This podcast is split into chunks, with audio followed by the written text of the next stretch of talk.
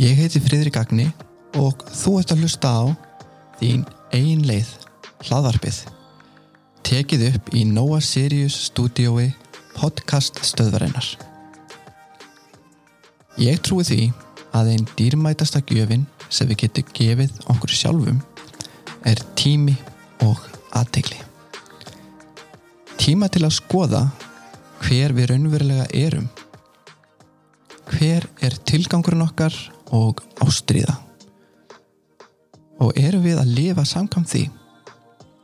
Í hlaðvarpinu munum við kynnast áhugaverði fólki sem ég tel vera aðdánavert og fara eigin leiðir í lífinu. Þetta eru bæði þekktir einstaklingar í samfélaginu en líka fólk sem þú hefur kannski aldrei heyrt af.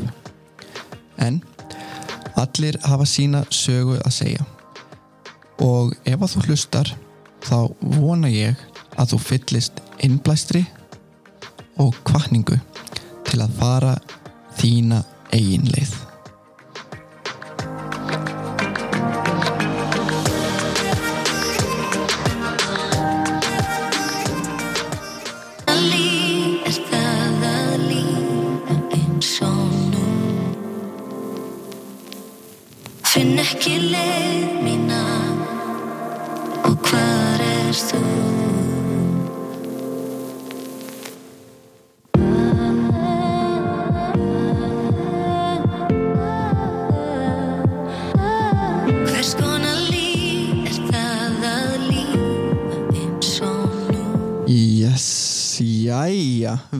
velkomin aftur í þín eigin leið þar sem við erum að ræða um ástríðuna og hjartað og tilgang lífsins og hvernig við fylgjum þessu öllu saman eftir.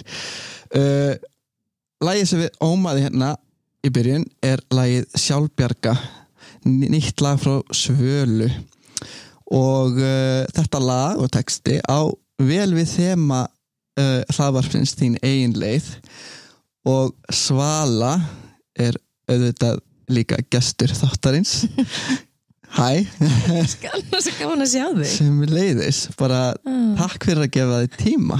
Takk fyrir að bjóða mér. Ég, Það er svo góði vinnur, búin að vera vinnir í mörg ár. Já. að Mér finnst aðeinslegt að geta komið hérna og spjallað. Og samt einhvern veginn hefur hafa leiðir okkar beggja að fara nú alveg þess að krussa út um allt. Alveg út um allt, ég meina hvað, við erum búin að þekkjast síðan sko 2004 Já, Eða eitthvað. bara eitthvað, ó, megalangt síðan. Þannig að hérna, mér finnst bara æðislegt að þú veist, mér finnst líka svo frábært einhvern veginn að við höfum farið svona þess að krus og okkar leiðir hafa verið Já. rosalega ólíkar. Við höfum samt alltaf náð að vera Vinnir, vera vinnir það er einhvern veginn þó svo að það líði ykkur tími þá svona alltaf þegar við tölum saman aftur þá er svona svo engin tími hafi liðið. Það er bara æðislegt. Ég held að sé líka bara svona þegar maður tengist fólki á okkur dýpra leveli að þá fer aldrei þessi tenging þetta er svona eins og spotti svona sem er á milli mann sko þess að Já. það slitnar ekki sko Nei, að mér þykir ótrúlega vænt að mér þykir ótrúlega vænt um þú, að þú viljir gefa þér tíma, ég veit að það er mikið að gera og, og hérna, já, ég er bara þú veist, en að kannski er þú veist, minna að gera núna út af þessu helvitis það er Helvítis. virkilega minna að gera sko. Já, allavega það, maður er giggum, búin að vera hálf atvinnuleg síðan bara í mars af því að ég er náttúrulega vinn við það að gigga og maður er skemmtikraftur og, og, og þannig að mín vinnu var yfirleitt alltaf bara að vera að gigga. Og maður var að þú spila kannski þrjú, fjögur, fimm gig hverja helgi og líka á virkundum og svo allt í hennu bara er ekkert sko. Og maður er bara svona búin að vera svolítið í lausu lofti, þetta er búið að vera skrítið. Sem betur fer var ég, var ég í allan mars að klára plötunum mína þannig ég var í raun og verið einn og hálfa mánu bara að vinna í því. Þannig að það svona tók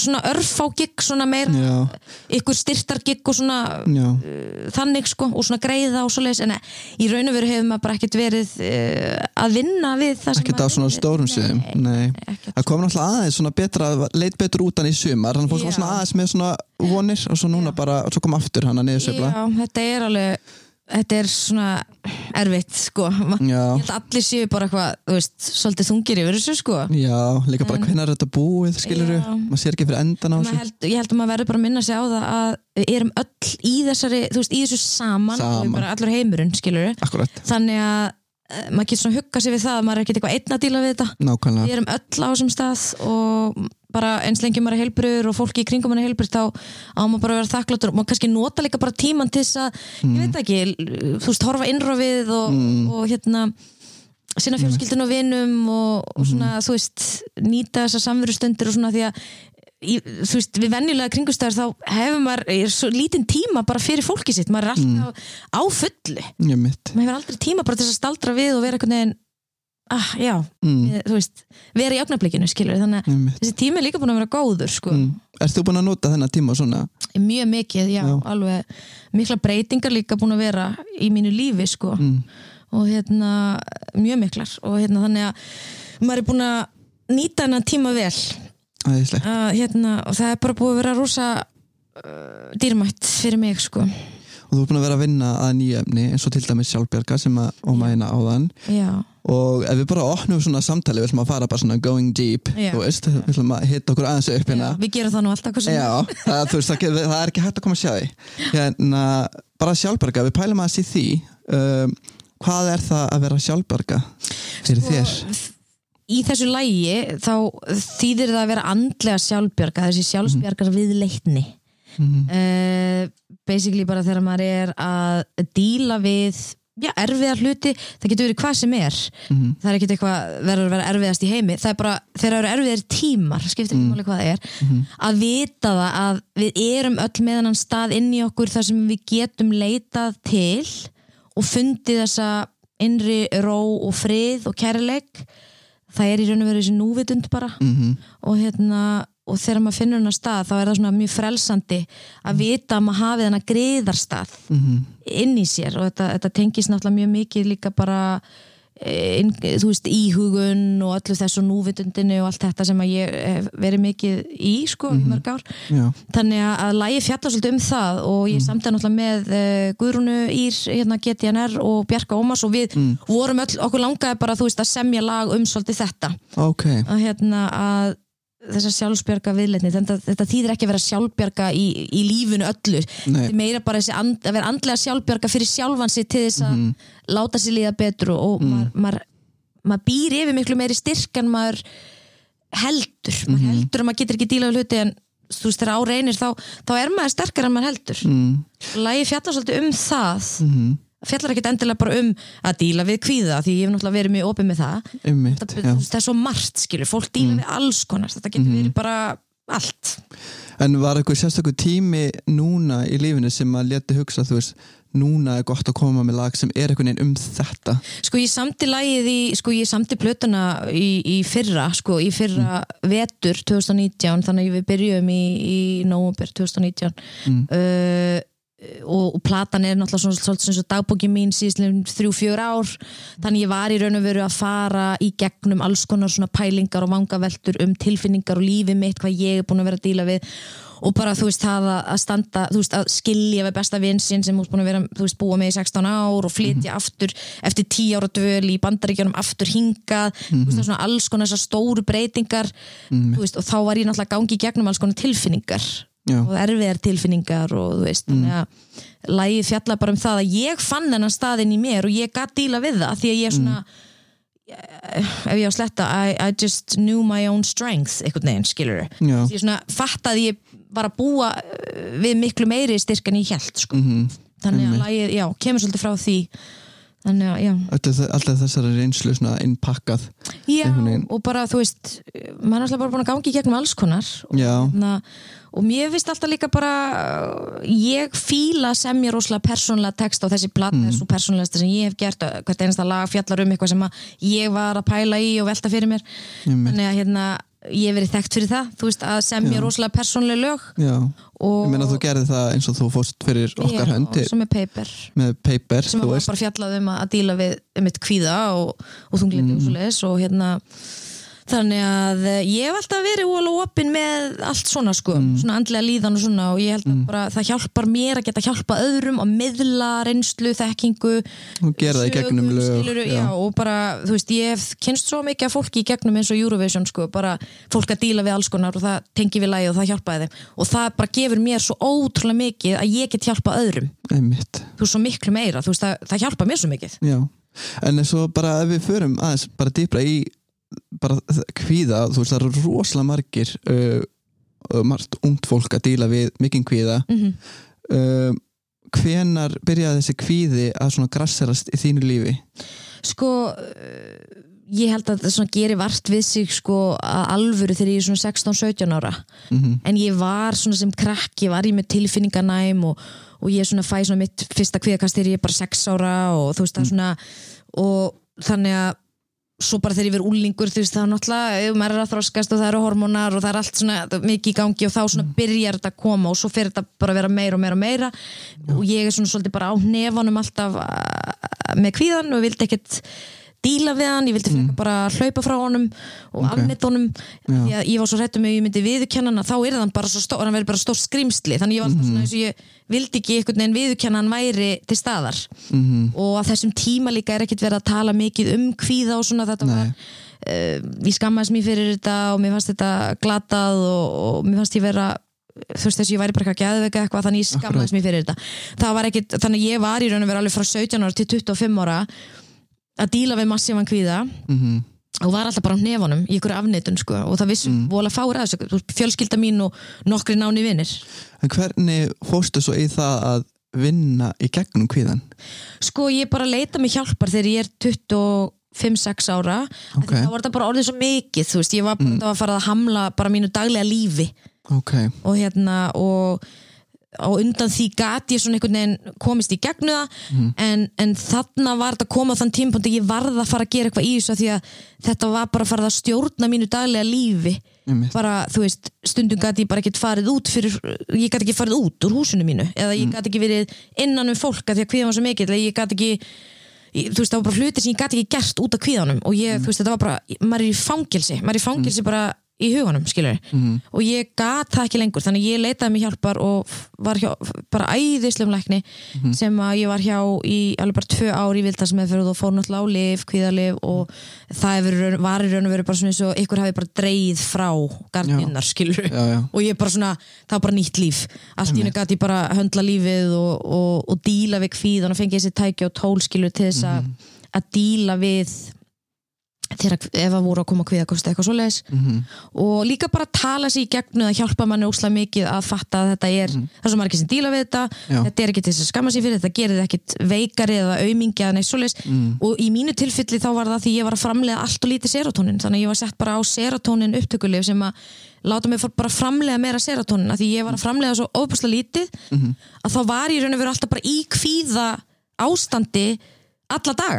bara náttúrulega Já. veist bara, já, var alltaf bara í kvíða sko.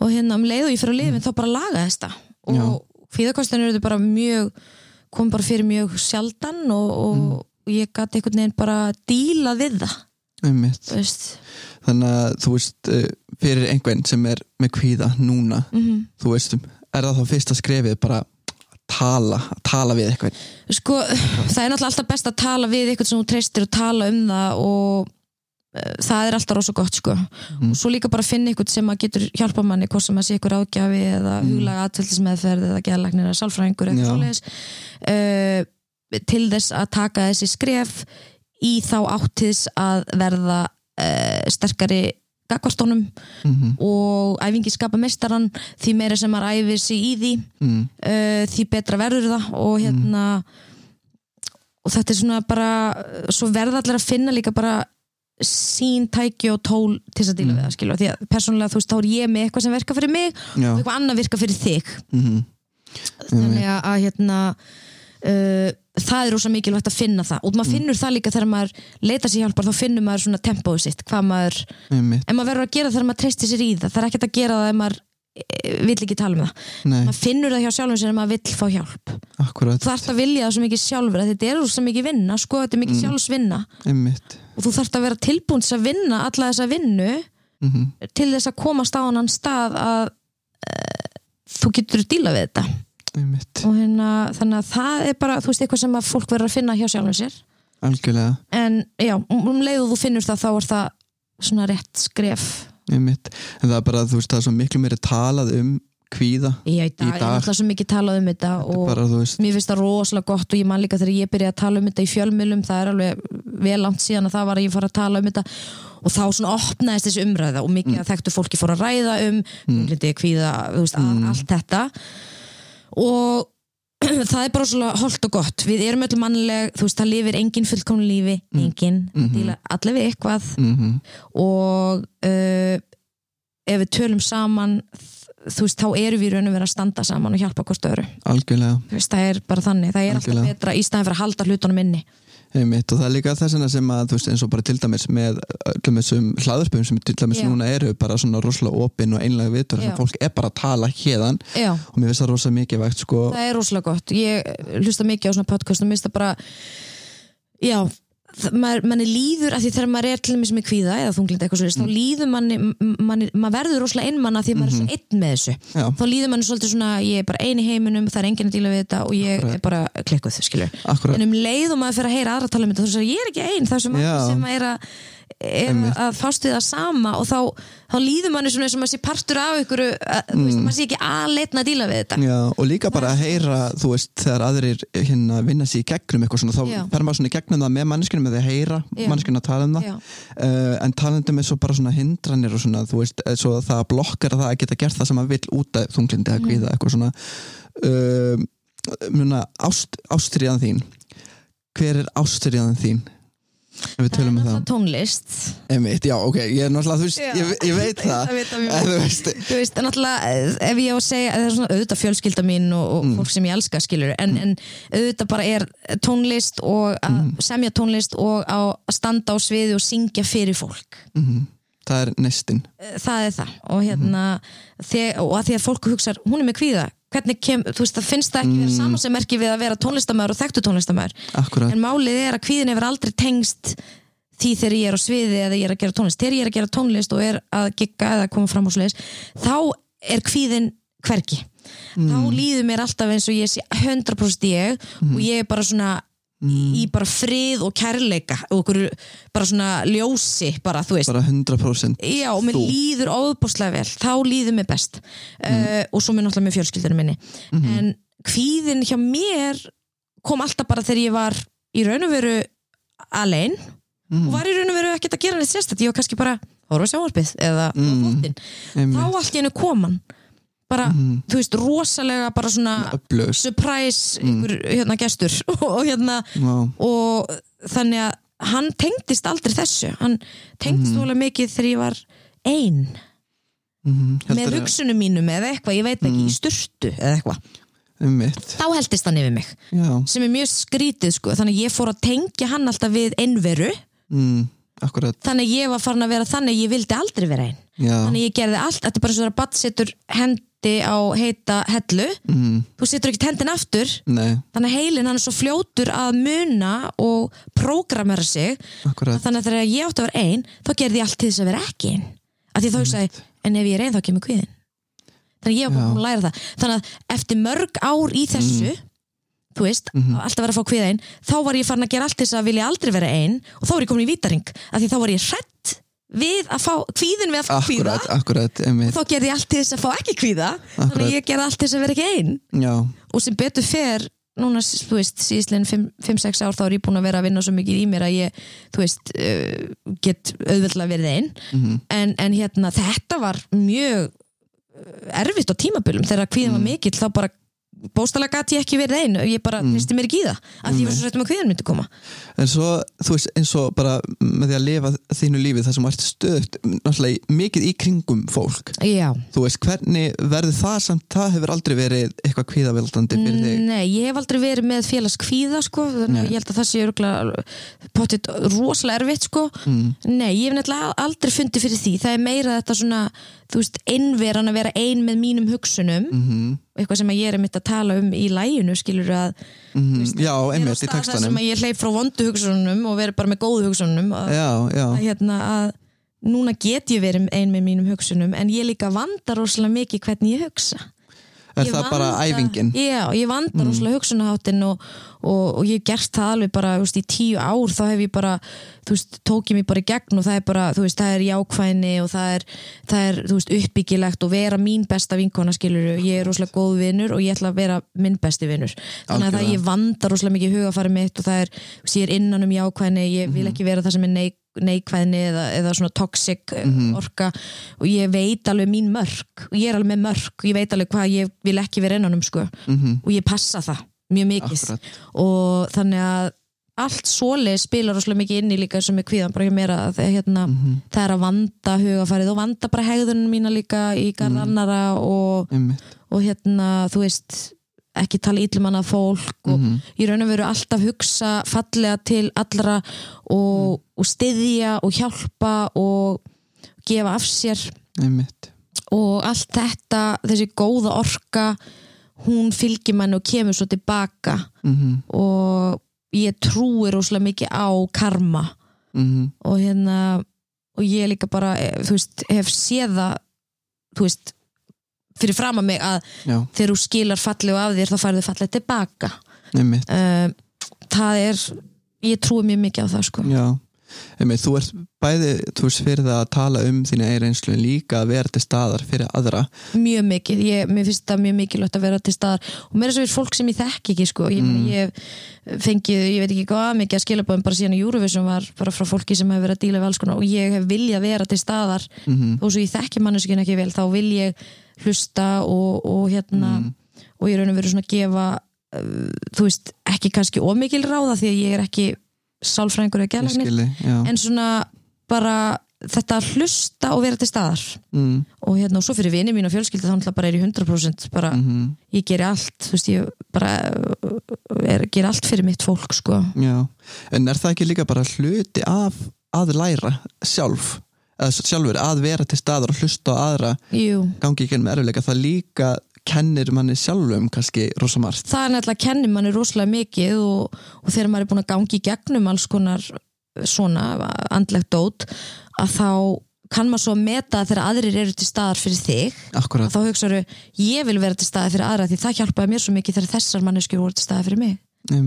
Uh, lífið er náttúrulega bara eitt stór skóli skilur, maður er alltaf að Algjörlega. læra og maður er alltaf að læra eitthvað nýtt okkur mesta degi og, mm, og reynsl, reynslan gerir mann þú veist, ég menna þetta er bara þroskan mann og, og hérna, og fólk eru kennarar í, mín, í lífinu mann sko, ekki spurning. Þú veist, það er svo rosalega margir sem kenna manni. Og mér er þess að þú veist, fólk sem að maður kannski já, maður lendi í ykkur leiðundum við það samt er kennari. Já, því maður algjörlega. læri svo mikið um sjálfa sig og lífið og Mhm. fólk þegar maður lendir í ykkur sem er erfitt með fólk sko. Einmitt, að maður reynir svona einhvern veginn að bara, þú veist, ekki vera einhverju hatri og reyði heldur frekar að vera bara í svona þakklæti að vera bara ok, þessi manneska kendi mér rosa mikið um sjálfum mig, hvað Mm. ég vil ekki og hver mín mörg eru og einmitt hvernig ég haga mér í svona situation og Mhm. Ég held að það sé betra að vera þannig heldur en að fara í einhvern bituleik og reyði og hatur Mm. og ég hata þig og eitthvað svona. Það, það, er- það á bara eftir að skemma fyrir sjálfu þér. Það, það er það. bara vont fyrir þig. Einmitt og því að manneskjan hefur, það hefur ekki náttúrulega manneskjan þú ert bara með þetta Þú ert að bera þetta bara sem er bara veist, svakaleg bara Mm. baggage sko. Uh, það er ekki gott mm. þú veist. Hvað myndir segja að væri svona myndir standa upp úr af þessu? Þú veist, hvað hefur, hvað er að mikilvægsta sem þú lært Sko, það er alveg margt sem ég vil endi bara eins og þegar ég var á plötu samning í bandaríkjunum í fjögur ár og þú veist og allt það ævintýri skilur þar lærði ég hvað ég vildi ekki sem tónlistamæður ég vildi ekki láta stjórna mér og ég, þú veist, ég vil vera frjáls uh, til þess að skapa og, og, og hérna, ég vil ekki láta stjórna mér, uh, þú veist á list, listrænan hátt skilur og, og líka bara að vera kona í bransanum skilur þá þarf maður að vera maður þarf að segja hlutina stundum fimm sinnum í staðin fyrir einu sinni því ég er ekki kallt maður til þess að sé hlusta á mann. og hérna og þannig að maður þarf að standa fast á sínu og, og hérna uh, alls konar svoleiðislegsjör og uh, svo bara þú veist bílslýsi sem ég lendi í 2008 þú veist það er að læra þetta að uh, vera í núinu og vera mm þakkláttu fyrir daginn í dag gera daginn í dag þann besta og hugsa alltaf bara þú veist dagurinn dag getur verið senast dagurinn því maður getur bara dáið mitt í einmitt. Uh, þannig að það kendi mér rosalega það breytti lífið mínu algjörlega. Bara trúi því. 360 sko þú veist það kendi mér svo mikið um að, að hérna, lífið er svo mikið núna þó svo sé ótrúlega það er búin að nota þessa setningu rosalega mikið, hún er rosalega væmin og allt það og kannski búin að missa tíðingu Já, en uh, þetta er samt svo satt. Þekkir það bara á þessari reynslu. Já, lífið er svo mikið núna og hérna maður á bara að grípa þú veist, maður á að vera í núinu og þú veist, og, og njóta augnabliksins og Mhm. ekki vera heldur að alltaf að fastur í fortíðinni eða stressa svo óslega mikið við framtíðinni því að fortíðin hún er liðin, það er ekki hægt að gera neitt við henni. Mhm. hún er löngu löngu búin. Og framtíðin er ekki hún er ekki búin að gerast þannig að þú veist ekkert hvernig morgun verður. Veist þannig að þetta er svolítið svona eina sem við höfum er núið. Ég sit hérna núna, er að horfa í augun á þér og tala um þig. Það er það eina sem við höfum það er þessi, þessi tímalína. Akkurat. tíminn er líka bara svo sérstakt hugtak. Ég held að með þess að tíminn ef við verum að fara eitthvað rosa down the rabbit hole skilur, do it. Þú veist þá er tíminn í raun og veru ekki ein lína. Ég held að ég held að sé bara Alls konar áttir, sko, veist, alls konar. Já, og ég held einmitt. að hérna, já ég held bara heilun okkar skilur ekki Nei, tíminn er. Þú ert mikið svona sci-fi típa. Já, ég er algjör ég var að hugsa um leiðum fórst að tala um þetta. Um leiðum fórst að tala um þetta fór ég að hugsa um að, að það er mynd sem heitir Interstellar. Já, einu minnum upp á smyndum sem er bara Nolan, já. já, hann er snillingur sko, hann er alltaf með eitthvað svona brjála hérna hann mindfuck gerir sko. alltaf rosa mikið svona tíma tímamyndi, eða svona um tíman sko ég menna eins og Tenet sem var að koma út sem er Já. algjörsýra ég, við, ég veit ekki alveg hvað var að gera síðan mynd sko. ég ég held að maður þurfa að vera mjög vel svona bara undibúin fyrir þá mynd sko já, ég ætla að sjá hana aftur, ég er alveg Ég held klart að sko. maður þurfa að sjá hana þrísvart til þess að ná henni Já. Þetta er svolítið mikið bara ít á pásu og bara ok, hvað var að gerast núna Þetta er svo mikið. Já, þannig að hérna, já, ég hef alltaf verið rosa vísunda skáldsögu svona nörd og Mm. les mikið af sci-fi bókum búin að lesa, ég veit ekki hvað mikið sci-fi bókum ég var, þú veist, ykkur nokkur ár þá las ég eina nýja bóka mánuð, sko. Vá, og ég var ok. að lesa trilogíur og alveg, þú veist, ég var bara brjáluð sko í þessu. Mm. og svo bara bíómyndir og hérna, minn uppáhaldsmyndin mín er Blade Runner, fyrsta myndin. Og já, já, já, uh, og svo náttúrulega Dune bækunar Ú, sem er að koma að endurgerð. koma endurgerðin. Já. ég náttúrulega las alla bækunar eftir Frank Herbert sem eru uh, í raun og veru bara uh, svona father of all science Mm. fiction. Ég menna Star Wars og allar þessar myndir eru í raun og veru svolítið stolnar frá Frank Herbert Mhm, heiminum. og hérna en já ég er rosa sci-fi buff sko og hérna hef alltaf verið og bara finnst allt svona ógeislega áhugavert. Já, hvað, hvað er það sem er svona áhverð? Hvað er það dreguð þið sé bara allar þessar pælingar mm. það er ekki, það er ekki þessar svona eh, cookie cutter, bara svona svona er þetta og það er Já. ekkert annað Þú veist, það er ekkert svo leis, það er svo margt við, svo margt sem við skiljum ekki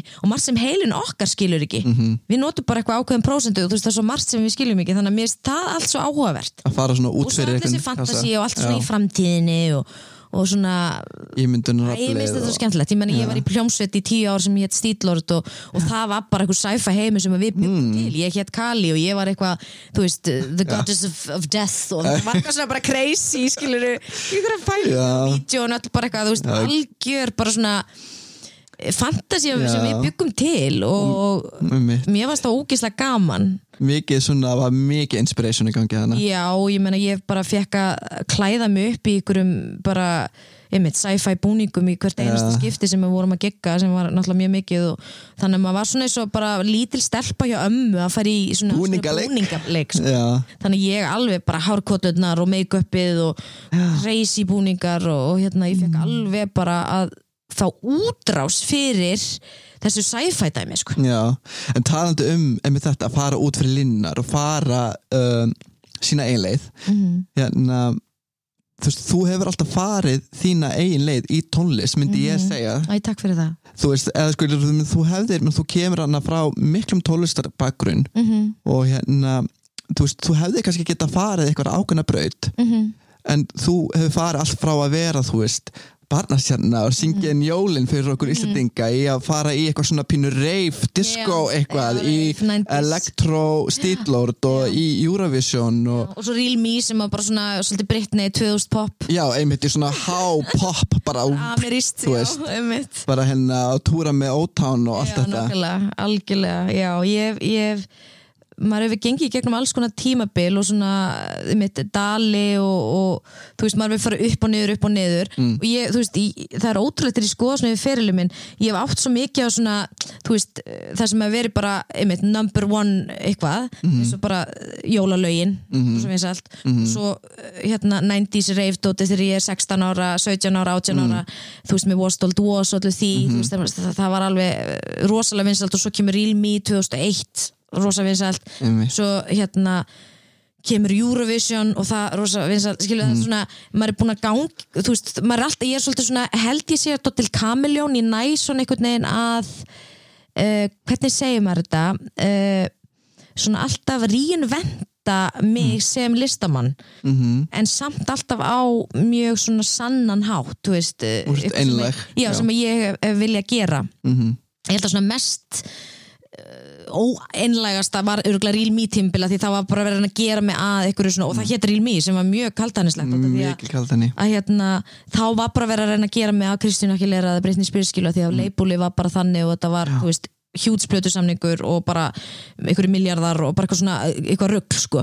þannig að þá var svo mikið verið að reyna að framlega mig að einhverju vöru sem ég var ekki. Ég held að það tímbil hafi verið mest svona ekki ég úslega fyndið, þannig að platan hétt Real Me og lagið hétt Real Me og svona, þetta var mjög sérstætt en ég held að svona að stílort hafi verið mjög mikið ég í hjarnan já, og svo náttúrulega paper já, í Eurovision, Þa, það, það, það er rosalega mikið það sem ég er sem listamæður hvítu jakkafötin, mm, lægið, textin mhm, ég ein á sviðinu.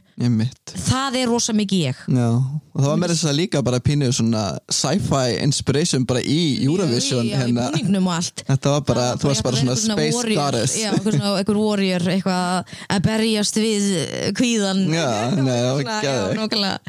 En já, og hérna, ég held að, já, ég hef náttúrulega ég hef alltaf farið svolítið mína legur ég held að ég hef lært það líka bara pappa því að Mhm. hann vildi aldrei ég færi út í bransan ég þurfti að suða í honum þegar ég var krakki að syngja jólalögin og Mhm. hann vildi aldrei hann vildi bara ég veri í skóla og myndi bara vera læknir eða eitthvað svo les, Mhm. fræðingur eða eitthvað og hérna þannig hann ég, vildi aldrei færi út í þetta og svo náttúrulega sá hann það að ég vildi mjög mikið syngja eftir ég hætti balletnum ballettin var svona nummer 1, 2 og 3 hjá mér alveg frá 9 ára til 15 ára.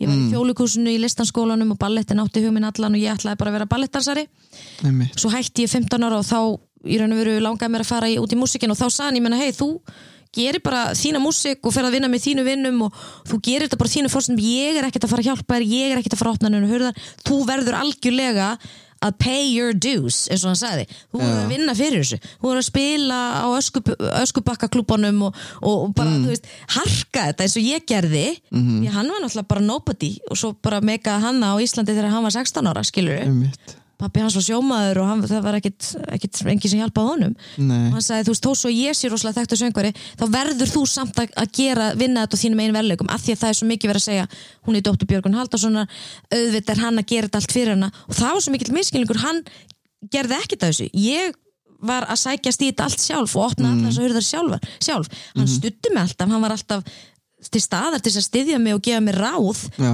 en hann gerði aldrei neitt til að opna einhverjar hurðar fyrir mig. Hann í raun og veru dró úr, úr, úr því sko, hann vildi Já. ekki gera og fyrir krumma líka. Krummi uh, fór svo bara í mínus og í músiktúlirunir og við gerðum, við vorum aldrei að gera músika svo hann var að gera eða nota hans kontakta. En það var ég bara að vinna með mínu vinnu sem voru einhverju DJ-ar og, og svo bara fór ég ellendis og var að vinna með út, útlenskum pródusentum og lagahöndum og, og hef alltaf farið mína eigin leiðir og gert músik sem að ég vil gera. Og, hérna, og ég er svona fegin því að því að það gerði mig að miklu meira sjálfstæðum listamanni og ég er raun og veru vissi nákvæmlega hvað ég vildi gera tónlistalega og hver mín rödd var og hvað mér langaði að gera. Mm. og eins og ég segi stutti mig alltaf og mamma líka. Mamma mikill svona músik aðdáendi hún syngur vel, hún veit mikið um Já, skemmtilegt tónlist að þannig heyra. að hún var alltaf líka mjög mikið til staðar og gaf mér alls konar ráð líka. Það ég verða eiginlega að bæta því henni því hún var opaslega mikið involveruð í allri minni músik og Já. var opaslega mikið að ferðast með mér þegar ég var mikið, að ég var opaslega mikið ellendis þegar ég var í mentaskóla að vinna tónlist. Hún kom svo oft með mér sko. Það hefur skipt miklu máli að fá hana stuðning. og rosalega. Og hún hérna bara var alltaf rosalega svona gaf alveg sína skoðanir og var alltaf rosa hreinskilin hvað henni fannst og, og hún var mikill partur af mínum ferli sko, hefur alltaf verið. Mm. einmitt, og hjá pappa líka, hún er alltaf hann er alltaf left henn að heyra og fengi hennar skoðanir með varandi Já. lög og allt. Má, hún er svona hún er kletturinn svolítið, hún er alveg límið í fjölskyldunni sko veist, hún hérna pappi heldur að hann ræður öllu en þú veist, það er hún. Hún halda. Já, ræður öllu. Þetta er svona og í bíómyndum það er svona, það er svona konan er svona the one who, þú veist, algjörlega. er með þetta alls saman. Var það ekki hérna My Big Fat Greek Wedding eða eitthvað? já, konunar Já, hún var bara, þú veist, hún réði öllu skilur, hún Nákvæmlega. bara let hann halda að Já, já, já. hann réði öllu, hann réði ekki neinu. Það er, það er mamma þín og pappi en hérna en eins og bara, þú hefur kannilega fyllt þinni ástriðu þú hefur fyllt skiluru því sem að ástriðan tekur skilur greinilega. Algjörlega. Þú veist, út af því að eins og segir, pappin var ekkert endilega að fara bara, þú veist, og líka þá hefur kannski ekki endilega verið ekki tólið sem þú hefði viljað gera. Nei, a- ég meina einu lögin sem að hafa verið tengt honum er náttúrulega bara jólalögin og það, þú veist, þá er ég 7 ára, 9 ára, 11 ára um mitt, þú veist, það er fyrir jól 9 ára og ég lagast til þegar ég er 11 ára og svo þú ég og jól þá er ég 16 Mhm. þú veist, og, og hérna og það er náttúrulega allt tengt bara hans jóladóti sko. Mm. þá hef ég bara verið að syngja á plötunar hans og, en ég valdi þessi lög sjálf, þetta voru ítölsk poplög sem ég valdi Einmitt. sjálf og voru gerð íslenski textar við, þannig ég uh, hafði sko, eitthvað kontról yfir því sko.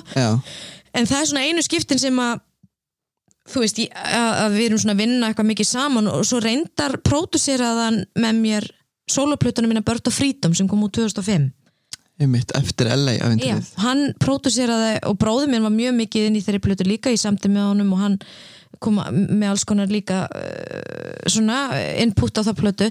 En hann próduseraði þá plötu þá, þá unnu við mjög náið saman. Og það gekk mjög vel. En ég var mm, alveg harða ákveðin hvernig hún átt að sanda ég vildi gera bara þú veist, allt handspilað og allt frumsamið og allt rosalega svona organic og, og eitthvað svona country og eitthvað. Allt öðru sem að, ég meina, svo plata var bara allt öðru sem allt sem ég hefði gert. Já. Og stolt að þessari plöta því ég og pappi unnum hana algjörlega sama frá allu mm. Og það var rosalega gaman að vinna með honum því hann er alveg ótrúlega fagmaður sem pródusent sko.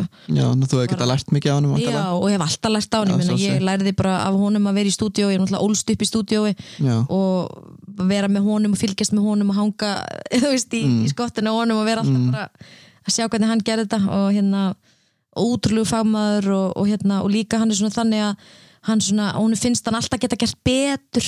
Mm. hann svona, hún finnst hann aldrei nóg góður þannig að hann Mhm. hugsa alltaf, ég get alltaf gert betur og þá verður maður betri, af því að maður er aldrei eitthvað, "Já, ég er náttúrulega bara bestur ég get ekki gert betra, Mm, það er ekki gott sko því þá getur bara hérna, hætti þessu skilur já, bara fara að chilla. Já, þannig að maður, svona, maður getur alltaf ítt sér og challenge, maður getur alltaf verið að challenge sjálfa sig sem, sem uh, listamann og sem manneskjörugla bara yfir höfuð. Og hérna, en svo hefur hann líka bara rosalan húmor fyrir sjálfum sér, tekur sér aldrei of alvarlega. Og hérna, og ég hef lært það og hann er ótrúlega hóvær sko. Hann, hún finnst hann ekkert vera neitt merkilegri en einhver aðrir sko. Mm. bara alls ekki sko. Mm og fólk heldur kannski að að hann sé svolítið að því að hann er svona töffari og mikill í kjaftinum og svona og með one-linera og þekktur fyrir það. En það er bara svona já það eru bara ykkur svona held ég svona y- y- ykkur hliða á honum sem hefur bara þróast skilur, sem hann, það, frá þeim var úlingur og var töffari og svona.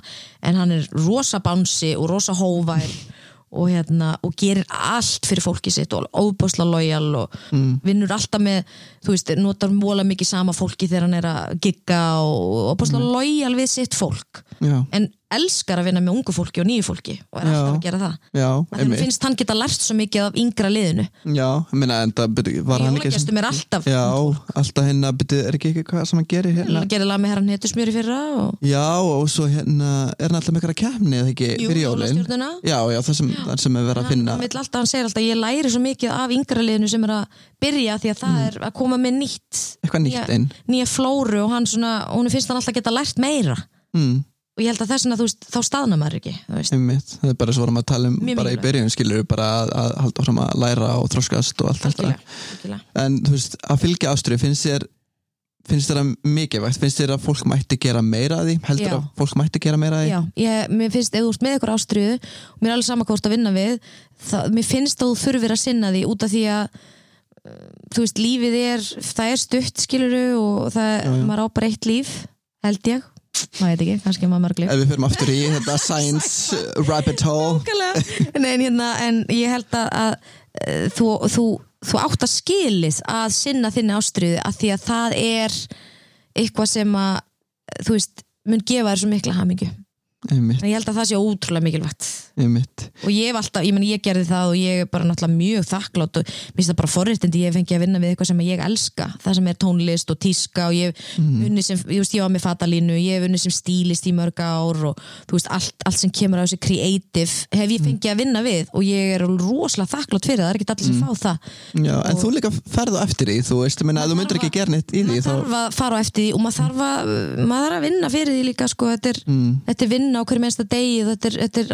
og Mm. svona grænt skilur, maður er að hösla skilur alla dag, þetta er ekki, þú veist maður getur ekki setið bara, þetta kemur til manns maður þarf að vinna fyrir þessu öllu -hmm. þetta eru bara svona lítil skref að, í áttina að því að uppskera. Og svo þú ert að setja fræ og svo ert að uppskera. Mm. þú veist, þú getur verið að setja þessi fræ í nokkur ár þá þú sér uppskeru en þú mátt ekki gefast upp, þú ert að halda áfram og áfram og áfram mm -hmm. þangar til uppskeran kemur. Á, þetta var rosa djöft yes. Nei, en samt sko, þetta er alveg hérna, það eru margir sem spurja mig til dæmis oft, bara hvernig hefur uh, sjálfströst til þess að fara eftir hlutum. Og þú, það, þú veist, það eru margir kannski sem vilja og vilja vilja og hafa drauma, drauma, drauma og allt þetta. En svo er bara annað, annað að, veist, að fara eftir því og hafa kjarkin Já. hvað, hvað lætu þið hafa kjarkin, sjálfströst Sko varðandi tónlistina þá hef ég eh, yfirleitt alltaf haft sjálfströst ég held að sé líka bara ég var alveg þannig upp að það var bara hlúa vel að manni og það var maður, veist, mi- mikil uppbygging og, og stuðningur. Og hérna auðvita er maður ofta eitthvað að spurja sig og efast og ég held að það sé bara mjög eðlilegt að, að, að efast hluti. Það, það er bara eðlilegt í, í ferlinu og þegar þú veist að þróast sem listamaður og eitthvað svona. Um, en ég veit ekki alveg hvað það sjálfströst kemur. Meina þegar ég er á sviði þá líður mér ótrúlega vel og þá er ég bara að finna fyrir opaslegum styrk og ég er mikið sjálfströst þegar ég er til og með á sviði og í stúdiói og svona. Ég held að sé líka bara því að mér líður svo vel þegar ég er að gera þetta. Sjálfströst og, og velíðan það helst svolítið í hendur. Algjörlega. Uh, já, þannig að ég held að það eru svolítið svona já, er fer saman sko. Einmitt, en hérna, ég veit ekki alveg svo, svo líka kannski, ég er náttúrulega eldri þú veist, það sjálfströsti kemur líka bara Mm. Með, með þroskanum og aldrinum þú veist, ég, ég veit alveg þegar ég var þú veist, á tvítusaldri skilur þá var ég ekki sjálf, mikið sjálfströst skilur ég var Mm. svona miklu meira svona, svona brjóta mig niður og svona, maður er bara að þroskast skilur, maður er að læra hann að sjálfa sig og svo kemur þetta bara með þessu jákvæða hugafari Mm. og æfingu og, og reynslu og svo einmitt. Þannig að hérna en líka bara þú veist það er að vera vanda hugsannar mm. uh, svona jákvæð uppbygging positive affirmations þú veist, þú veist hvað það er. Það er bara að tala fallega til já, sjálfsins tala fallega til sjálfs og, mm. og hérna bara byggja sig upp. Ekki vera að rífa sig niður, vera góð vinkona. Mm skilur vera góð vinkona sjálf, Já. sjálfs eða veist, og ég hérna og eins og bara þegar ég verið eitthvað ógisla stressu fyrir já mm. og bara svona eitthvað, þú veist, ég verð, reyndar, ég verð alltaf stressu fyrir öll gig og ég er búin að, þú veist, koma fram miljón sinnum, Mm. kemur alltaf þessi fyririldi og maður er alltaf með sviðskrekk og allt svona en þá reyni ég alltaf að byggja mig upp og segja þú ert bara rosa fín og þú ert bara góð söngkona og þú ert bara að fara að syngja til þess að gleðja fólkið Mm. Og allir verða glaðir Mm. og þetta verður rosalega gaman Mm. og ef þú syngur feilnótu þá er það allt í lægi Mhm. út af því að þú ert bara góð manneskja og veist, það, það er þetta svona Mm. já, það er svona bara byggja sig upp og tala fallega sjálfsins. Mm. og hérna, það, það hefur hjálpað mér sko, en svo líka bara eins og segir sko, þegar þú ert á sviði og ert að syngja, þá líður þér vel. Já, og þú náttúrulega gerir mikið af þessu.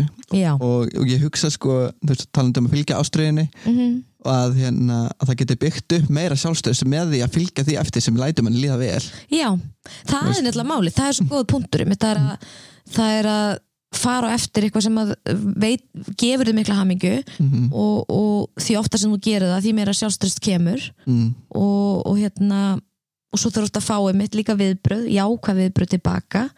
Þá að byggja það upp líka. Þú getur fengið neikvæð viðbröð líka Mhm. en þú getur líka litið á það sem kennari Mm og, og einhvers konar bara svona mm, ráð eða bara þú veist gaggríni skilur í staðin fyrir að allir hata mig, þetta er ömulegt í staðin Akkurat. fyrir að hugsa bara kannski get ég gert betur skilur já, þú veist, í staðin fyrir að taka öllu svona illa. Einmitt, einmitt. Það er rosalega mikið leksja í því. Og hérna, og ég meina, hvað maður veit að ég fengi mikið gaggrinni og maður, þú veist, og talandi um það ég meina, þú veist, meina, ljóta kjaftasögur og ljót komment og veist, Mm. ég er náttúrulega að díla við það allt mitt líf, sko, mm þannig að hérna, ef ég væri að taka það allt persónlega þá væri ég öruglega ekki hér, sko. Bara inn í hólu, þannig að, þú veist, maður getur ekki maður, maður getur ekki þóknast öllum það er ekki hægt, nei. Maður getur það ekki og það er ekki allir sem fíla mann og það er bara allt í lagi, mm veist það er bara allt í lagi, það þarf, þurfi ekki allir að fíla þig nei komið góður, ég meina, þú veist og líka bara, þú veist, eh, ég var hérna í síðustu huga þá var viðtal við hérna Margetu Mokk sem er mjög skemmtileg Já, og hún var að tala um hérna svona gildi, þú veist, að maður er oft í þannig lúpum að sko að maður er um, umkringdur fólki með sömu gildum að sjálfur og þá er maður svo lítið að challenge að sjálfur sér og þá er allir bara alltaf saman á manni þú nákvæmlega, nákvæmlega það er stundu gott líka að fá eitthvað annað hérna, sjónarhort aðra skoðanir og, og, hérna, og þess vegna elska ég líka að kynnast nýju fólki og fá nýtt fólkin í lífið mitt því að það er svo, það er svo uh, svona refreshing að fá þessi, þessi nú, nýju viðmið og þessi sjónarhörn og skoðanir frá öðru fólki og svona, þetta svona, þetta ferska mann upp sko. Og hérna, það er mjög holdt fyrir mann. Algjörlega, að umgangast líka mitt nýtt fólk og, og hérna vera opinn fyrir nýju mm og hérna ekki vera mennloka og ekki vera dómharður og, og hérna það, það er svolítið mikilvægt sko. Mm, og uh, þannig að ég er alveg sammála þessu þessum punkti. Mjög, mjög mikið sko. Einmitt. Því það er auðvelt að vera bara í þægendarammanum og allir er alltaf bara sammála mann og allt er bara aðeinslegt skilur og, mm og þú svona, þú veist já, það er, það er mjög góð punktur, sammála honum. Já, en sko talandi um breytingarna sem við tölum aðan bara í þínu lífi og þetta nýja efni og Mhm. Hamingjan og ástin. Hvað hérna, þú erum búin að vera að tala aðeins um svona ofinbella um nýju ástin í þínu lífi. Já, einmitt. Svona, en hvað hérna, á þess að ég vilja fara eitthvað svona rosalega mikið í það, en bara hvað er ástin fyrir þér núna? Sko ástin fyrir mig núna er uh, já, ég myndi segja ég hef bara aldrei upplifa svona ástæður. Já. Er þetta eitthvað, þú veist er þetta öðruvísi heldur en þú upplifðir ást eða leista ást fyrir já, árum? Eitthvað ma- já, það hefur svona breytt svolítið bara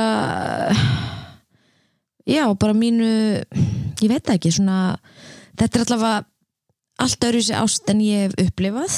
Mhm, og ég er að sjá hluti bara í öðru ljósi.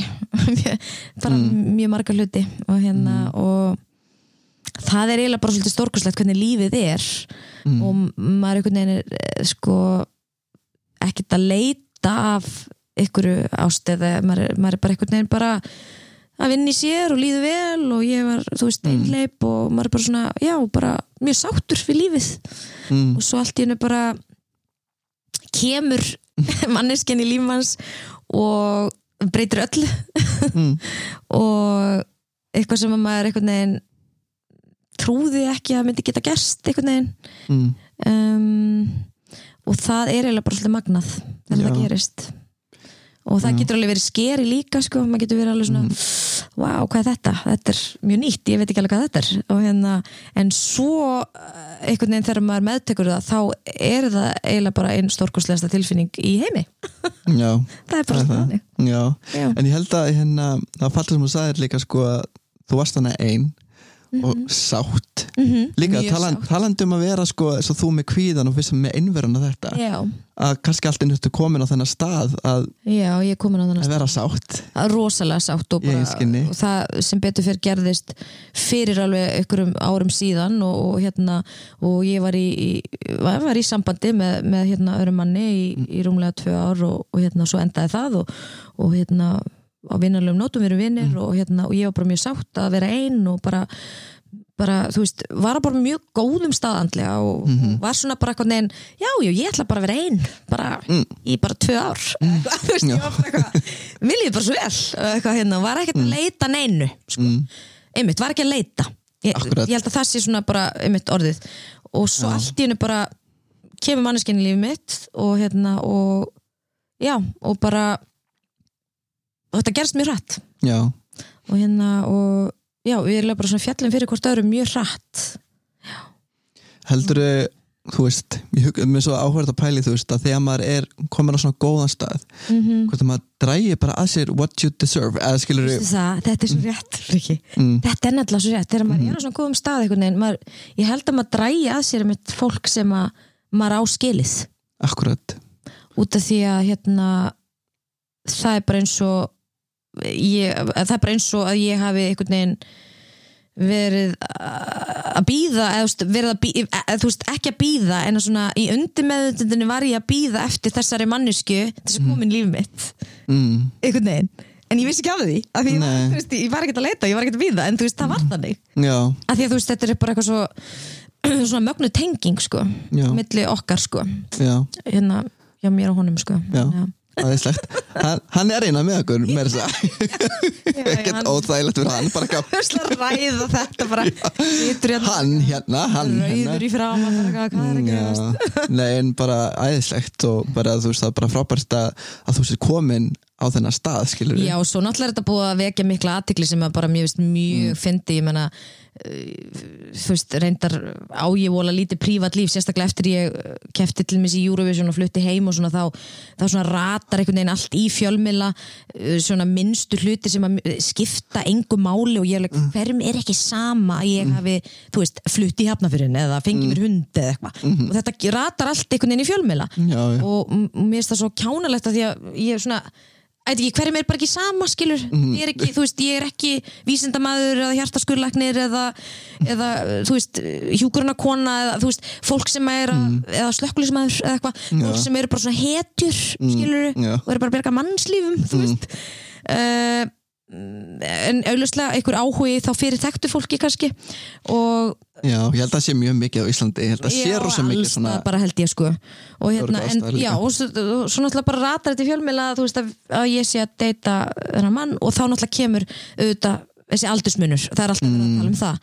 Og hérna, og mér finnst það svo fyndi út af því að ég menna kallmenn bara from the beginning of time hafa verið með Mhm. yng- yngri konum og það er bara þykir mjög eðlilegt Mm. og menn séu með konur sem eru 30 25 árum yngri 20, skilur, 20 árum yngri eitthvað og það er bara normið skilur fólk finnst ekkert að því.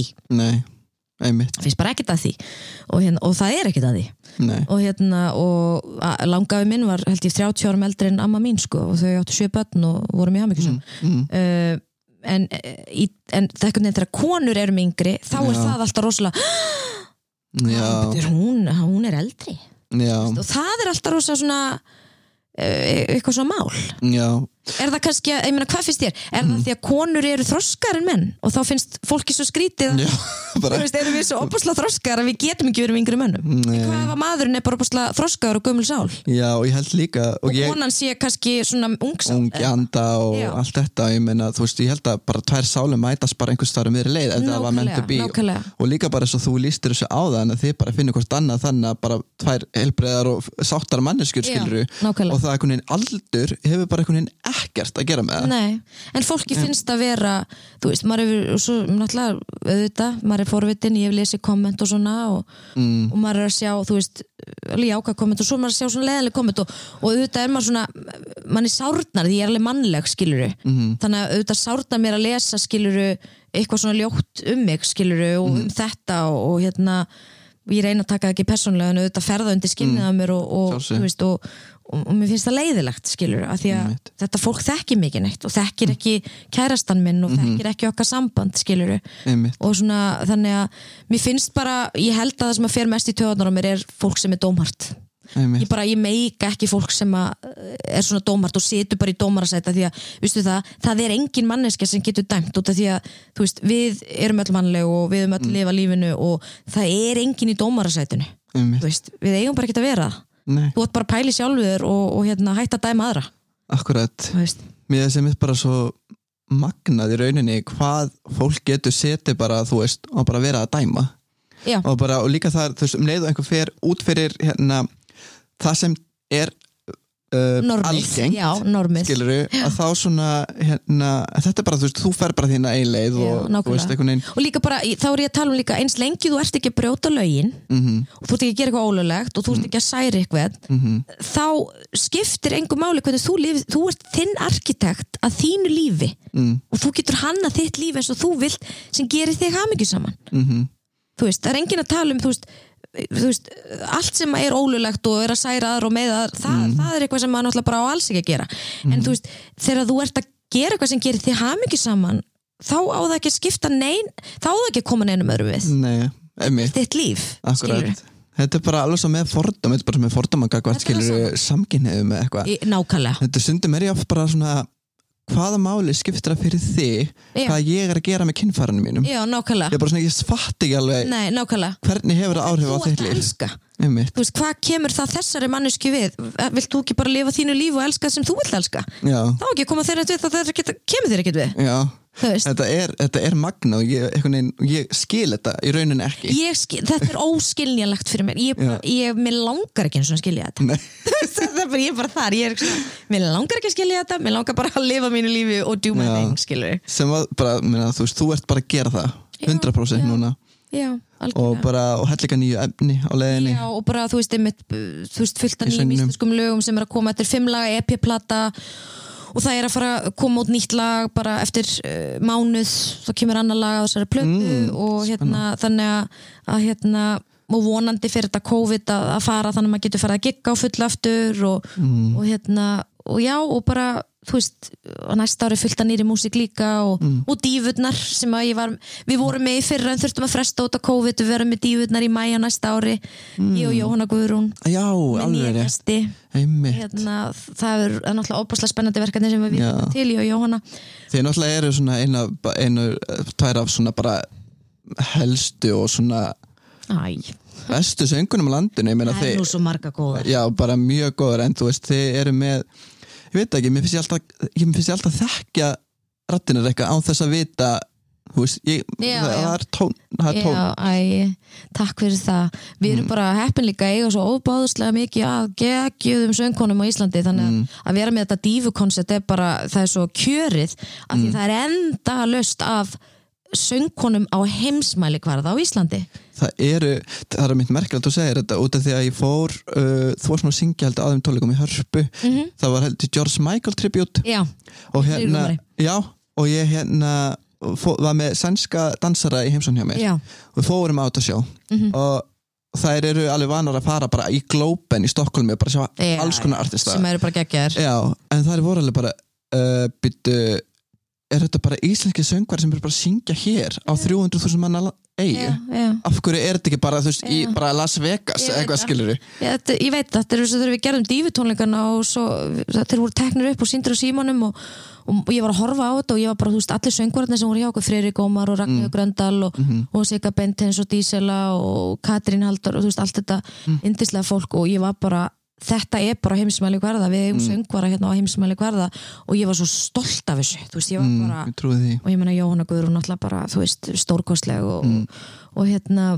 og þess vegna er þetta dífu koncept okkar Jóhannu að vera með þetta hverju ári svo kjörið að því það er svo mikið að geggjum söngkonum og, og þetta er svolítið hannað fyrir söngkonur, við erum alltaf bara með eina karldífu, mm. þetta er svolítið hannað fyrir konur, við vildum gera vettvang það sem að okkar helstu söngkonur fá að Sýna. sína og, og, og hérna og sína sitt sína bestu hliðar í, í söngnum þannig að hérna að, uh, ég, ég er svona stolt af þessu konsepti af því að við Já. svo dásamlega söngkonur hérna heima sem að veist, ég er bara alltaf eins og Margaret Eyre og Stefán mm. Svafa og svo Elisabeth Olmslev Salka, svo ég get haldið áfram Emilian Torini, þú veist, sem eru bara þú veist, ég er svo mikill aðdáandi mm þessa kvenna, þú veist, og ég er bara hlusta ára og ég er bara góð með góður, þú veist, þetta er bara okkur öðru leveli, skil og hérna, og eins og þegar ég var í Voice þú veist, þarna, tvö sísón og var, var hérna þjálfari og dómari þar að vera með alla þessa söngvara og alla þessa söngkonur maður var bara, þú veist, ég var bara með stjörnur í augunum, þú veist.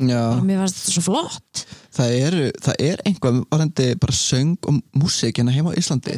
Þetta er bara, með okkur um lítil þá vorum við bara með kærðveika tónlistar já, þetta er ég, ég bjó í LA tíu ár sko ég menna, þú veist, við erum alveg bara með bara betra tónlistafólk hérna, þú veist, það er bara mikið líka frumleiki sko mikill frumleiki. já, kannski er það bara einhvern veginn hvað við sækjum í bara innblásturinn, hvaðan innblásturinn ég kemur held að við erum þessi litla eiga og við sækjum innblástur held ég bara frá öllum heiminum veist, frá öllum heimshotnum Akkúrat. að því við erum svo lítil að Akkúrat. þá er þetta svona og svo er bara, dröfum við öruglega innblástur líka bara frá náttúrun okkar og okkar Mhm. svona lífshætti hér og, og menningunni hérna og Mhm. þá náttúrulega verður þetta svona suðu pottur af svona alls konar einmitt, þú veist, þannig að þegar þú hlustar á Sigurós eða Áskitrausta eða Herra Netusmjör eða uh, Bríett eða veist, þá bara já. svona, þú heyrir það að það er svona, það er einhvern veginn áhrifinur allstar Mm. og það gerir þetta svo svo geggjað já þú veist, hvaðan sækir þú þinn innblástur ég sækja núr uh, svo mörgu sko bara öðrum tónlistamönnum náttúrulega Mhm. uh, mikið og klassisk tónlist og svo les ég hlusta mikið á klassisk tónlist og bíómyndatónlist. Mm, og hérna og svo bara, þú veist uh, frá fólkin í kringum mig og bækur sem ég les hluti sem ég gengi gegnum náttúruna Mm. um, draumar uh, já, þú veist, það er, það er bara svo margt. Mm, og hérna en mjög mikið úr klassískri tónlist sko, hlusta Já. mikið á klassískri tónlist og óperu og, og bíómyndatónlist hlusta mikið á svona instrumental tónlist. Og, og hérna, það hefur alltaf alveg frá því ég var bara úlingur hef ég hlustað á það. Mm, og ég alltaf fengið mikið innblástur þaðan eins og þegar ég var að gera sjálfbörgarplutuna þá var ég að hlusta rosalega mikið á Jóhann Jóhansson já, ótrúlega fallið tónlist. Mjög mikið og hérna og uh, hérna Max, Rich, hérna Max Richter. Oh my god, ég elskan elskan og, hérna, og Hans Zimmer og Sigurós mm, og hérna og var að, já, þú veist, ég var hlusta rosalega mikið á þetta. Mm, þannig að ég held að það hefði líka alveg, þú veist, örgulega komið svolítið svona einhvern veginn í gegn þegar ég var að semja laglinnar og við vorum svona, þú veist, Mm. Bjarki Ómars vinnu minn próduseraði þetta allt og, og ég var svona, þú veist, alltaf að koma með eitthvað svona, eitthvað svona pælingar já, inn í, í productionið, sko einmitt sem að hann útfærði svo bara á æðislega nátt, sko Já, en hvað er það sem við, svona, þetta er mjög áhægt varandi tónlistina, hvern, hvern ósækir innblásturinn, Mhm. veist, hvað er það sem kveikir, þú veist, er það einhver, einhverja hugmyndur um, um, um uh, texta eða einhvers konar tilfinningar sem koma fram þú hlustar á svona tónlist? Mm, já, ég menna, þú veist yfirleitt þegar ég er eh, að fara í, í session eins og kallast svona songwriting session þetta kallast að skrifa lag Mm þá er maður að fara að semja laglínuna og textan að þá hérna uh, byrjar þetta yfirleitt að því að ég er að hugsa hvað langar mér að syngjum? Hvað erum við að fara að skrifum Akkurat, og þá byrjar svolítið kveikjan uh, hvaða tilfinningar eru að fara að tala um? Hvaða, hvaða situation? Og þá byrjar svona, byrjar maður að skrifa ykkur orð og, maður, og ég segum yfirleitt alltaf með einum eða tveimur. Mm. við erum yfirleitt tvö eða þrjú að semja. Mm uh, og þá byrjar maður bara að brainstorma og þá bara byrja allir að skrifa eitthvað nýra blað og pæla, pæla, pæla og, og svo, uh, þú veist byrja pródusentin að spila eitthvað á piano eða gítar og, og þá byrjar einhver fílingur að koma, þú veist, viljum við vera með balluðu, viljum við vera með midtempo, viljum við vera með stuð Mhm. þú veist, og þetta er bara samvinna og ég elska að vinna með öðru fólki því ég dref svo mikið innblástur frá öðrum líka Einmitt. þannig að þetta er þessi samvinna og allir er að henda fram hugmyndum Mm. enginn er eitthvað hérna í keppni þú veist, og ef hún er, er ekki að virka þá bara er, er hún ekki með, ef hún er aðeinslið þá er hún með þannig að þetta er rosa opið umhverfi þar sem allir mega koma með hugmyndir Mm. og anything goes í raun og veru já, og svo bara eru þessi session kannski í 5-6 klukkutíma. Við getum verið að hittast aftur ef við náum ekki að klára lægið Mhm. stundum verður lægið til á 40 myndum stundum verður það til á 2 myndum já, eins og paper var til á 40 myndum já, það bara skrifaði sér sjálft. Já, og hérna, þannig að það er mjög misjæmt og hérna og þannig að já, þannig vinn ég. Svo eru Já. fólk vinn, sko tónlistamenn vinn á alls konar hátt, það er engin rétt leið. Mig það er bara leið sem að þér finnst þægilega að vinna. Mhm. ég vinn mjög mikið svona. Stundum kemur laglínan undan textanum. Já, það, kemur oft, ég er kannski með eitthvað laglínu bara sem að ég er með í huganum sem ég er búin að taka upp. Stundum er eitthvað bassalína bara komin og þá eitthvað mm sem það, stundum er bara textin og þá sem við oftast því já, það er í raun og veru engin ein rétt leið. Nei. Og stundum er engin innblástur, stundum bara er maður í sessjónu og það er ekkert að gera. Já, og þá bara kemur ekki neitt og það er alltaf Nei. læg en Já. stundum er bara alveg óbúslega mikill innblástur og þá bara vellur það út í manni sko. uh, og ég hef alveg upplifað svona dræspel eins og kallast, veist, það sem að svona rætarsblokk eða að mitt ég bara er ekkert að semja, það bara er ekki neitt að koma sko. Og svo stundum bara hellist það yfir mig og þá Mm. bara er það endalist, það er bara svona svo flóðgátt sko. Já, og það bara kemur endalust á textum og laglínum og, og Mm. bara, þú veist, þá er ég bara með voice notes og, og tek upp laglínunar og skrifa í tölvuna alls konar þú veist, ég veit ekki hvað mikið skjölum ég er með í tölvunu það sem eru bara svona miljón text mm, okkur orð bara, Já, eitthvað svona orð sem að bara ótrúlega sterk eitthvað. Já, eitthvað sterk orð og, að því ég var að semja í fyrsta skipt á íslensku þetta er náttúrulega fyrsta skipt sem Akkurat. ég er að gera frumsamefna á íslensku, þá var þetta svona erfið svona fæðing sko, að því að ég hafði aldrei samið á íslensku, mér varst það svolítið erfitt. Já, það tók alveg tíma Mm. uh, tók alveg, ég meina við byrjum í september og í raun og veru vorum við ekkert komin á ról fyrir svona í desember, janúar með eitthvað alvöru efni. Mm, af því það bara, það var svo erfitt að komast að stað. Ég, veginn, ég náði að komast í fílingin Já. sem ég á íslensku. Já, og svo þegar ég, þegar ég datt í það sko, mm. ekki í það en datt í þennan gýr þá hérna þá bara fannst mér þetta æðislegt.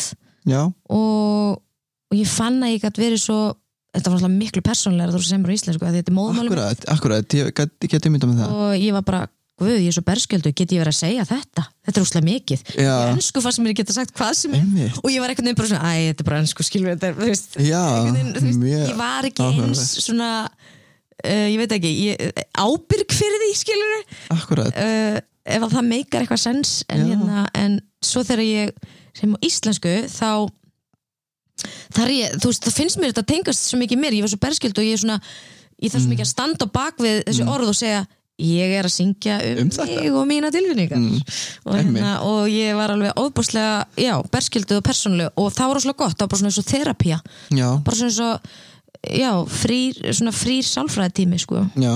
Og hérna það var alveg feltár í stúdíónu og það Mm. var alveg margar tilfinningar sko, mjög margar tilfinningar þegar já, við sumlögin sko. Og hérna að því að þetta var svona, já, það var svolítið hefi í stöffana það verður spennandi að, að heyra þetta. Já.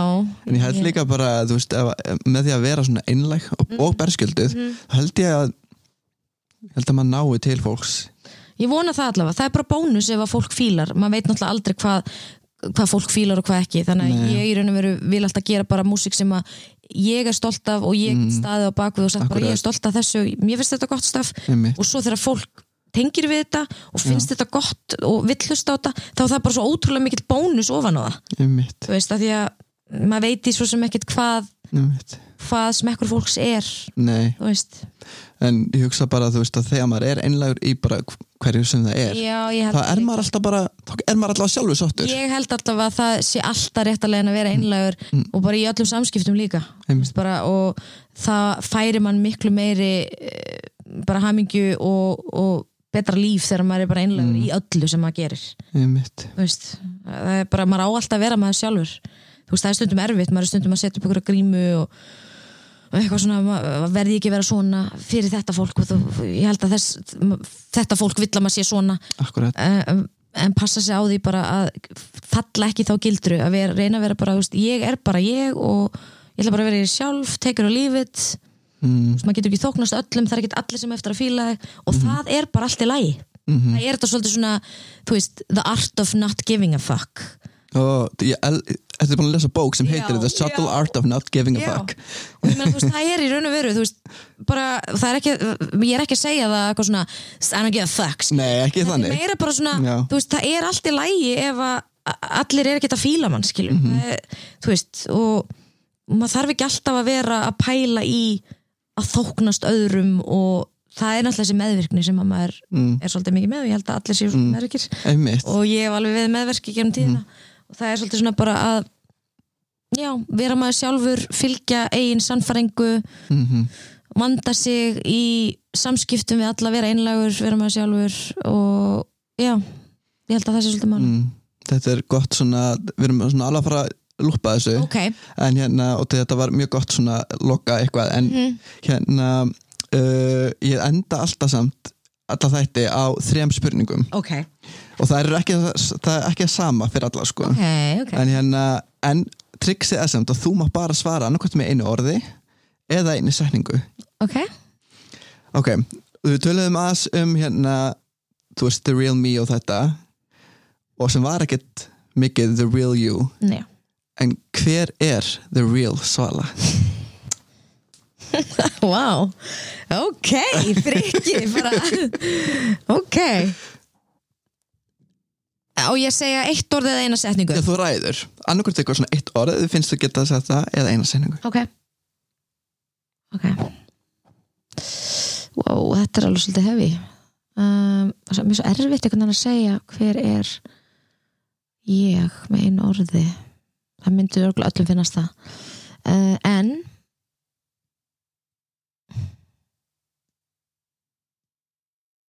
það sjá.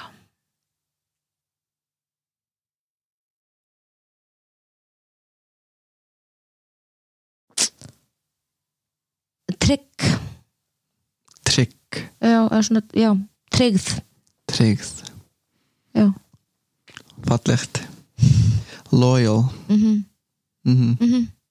mjög mikilvægt. Alveg bara í rauðan döðan sko. Mm já, ok. Hvað er það mikilvægsta sem þú að, við fórum með kannski aðsýta en hvað er það mikilvægsta sem þú hefur lært? Einu orðið að setningu. Þú ræður. Ok uh,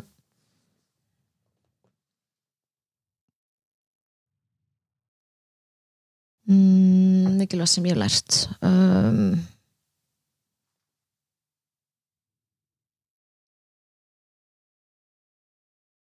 já uh,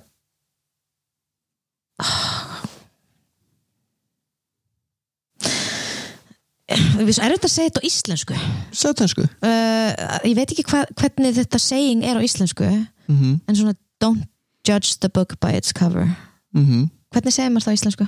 Bara ekki dæma ekki dæma útið ekki dæma Já, ásýndina já, ekki dæma þú veist. veist, don't judge the book by its cover þú veist, Mhm. það er svona a, já, að því að þú veist þangað til maður þekki manneskjana skilur það er Mhm. svolítið svona, já, ég hef lært það ekki það, ég minnst það mjög mikilvægt sko. Mm það er mjög mikilvægt. Já, og þetta er alveg, þú veist, þetta er mjög algengt saying og sagt mjög oft. Já, þú veist, en there's a reason for it já og þegar fólk er alltaf að koma hana óvart. Já, það er nefnilega máli, það er alltaf Mm. mm. komin óvart og maður er alltaf að fatta bara svona, wow ég held að hann eða hún var ekki svona, svo maður, halló, þú veist mm, það er svolítið svona leksía já, ég, ég hef búin að reyka mig á þetta mjög, það mjög mikilvægt út af því að vákama færi á mis við dásanlegt fólk. Maður Algjörlega. að fólk algjörlega, það er á nefnilega málið. á bókinni. Nákvæmlega, já, nákvæmlega. En hérna uh, hvað er hamingja? ég veit þetta er super heavy þetta er bara, þú veist en þetta er ekki próf, þetta er bara, þú veist bara what comes to your head hamingja er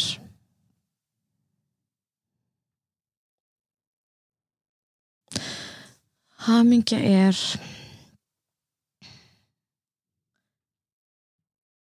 Wow, þetta er svo hefi spurning, þetta djóki mér Oh my god Má ég segja setningu? já, Ok, hamingja er allir litlu hlutirnir mm.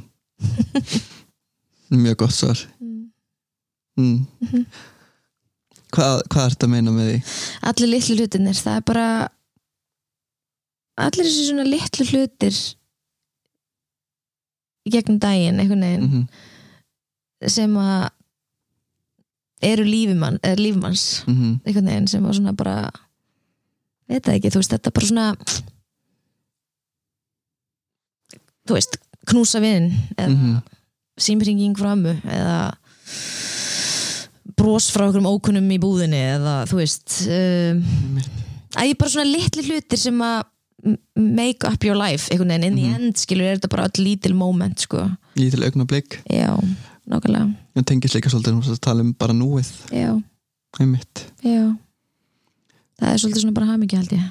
Mm mm en hérna ef einhver vil fylgjast með þér og bara Mhm. stöffininu sem er á leiðinu út þetta spennandi efni sem Já. er að fara að gefa frá þér hvað er, hvað er best að fylgjast með þér? best að fylgjast með mér á Instagram ég er, svona Mm. mest, ég er náttúrulega með Facebook en ég, ég er mjög lítið á Facebook ég nota Mhm. Messenger svona mest en ég er vola lítið á Facebook Mm Uh, þannig að bara það er Instagram Svala Kali á Instagram ég er Mhm. þar, ég er rosalega virk í, í story á, þú veist, Mhm. á fítinu þannig að, þú veist, ég er ekki á Snapchat ég, það er alveg langt síðan að ég hérna, Mm. Eitt í Snapchatinu, ég bara er ekki þar lengur ég var með það í kringum Eurovision. Já, það var alveg mörg 2000 þar inni út af Eurovision en ég Mm. er, hef ekki verið þar lengi. Uh, þannig að já, ég myndi segja bara hérna Instagram sko. Já. Æðislegt, þannig að þið getur farið og fylst með Svala Kali á Instagram. Með kái, Svala Kali. Kali, K-A-L-I yes. og hérna bara takk fyrir að deila svona miklu með mér. Æ, takk fyrir mig, alltaf gaman líka að spjalla. Já, og sem að sé mikrofót fyrir fram að með ekki? Já nákvæmlega, nei bara það var svo margt annað sem þú sagði sem var bara ótrúlega Já, fallegt og, Nei, og mikið til í og, og hérna það er líka og svo auðvilt að tala við þig þú veist, þú ert bara, ég meina, fyrsta lagi búin að þekkja ósla lengi og svo líka bara fallið nærvera það veist að maður bara svona, Já, takk mann er langar að opna sig og fara á trúna með þér. Takk fyrir. ég tek Kristján næst Já, algjörlega. En hérna, en þið getur auðvitað fylgst með mér fyrir gagni á Instagram til að fylgjast með hlaðvarpinu líka. Og við erum að fá alls konar gesti til okkar á næstunni þannig að bara takk fyrir að hlusta og sjáumst að heyrumst í næstu viku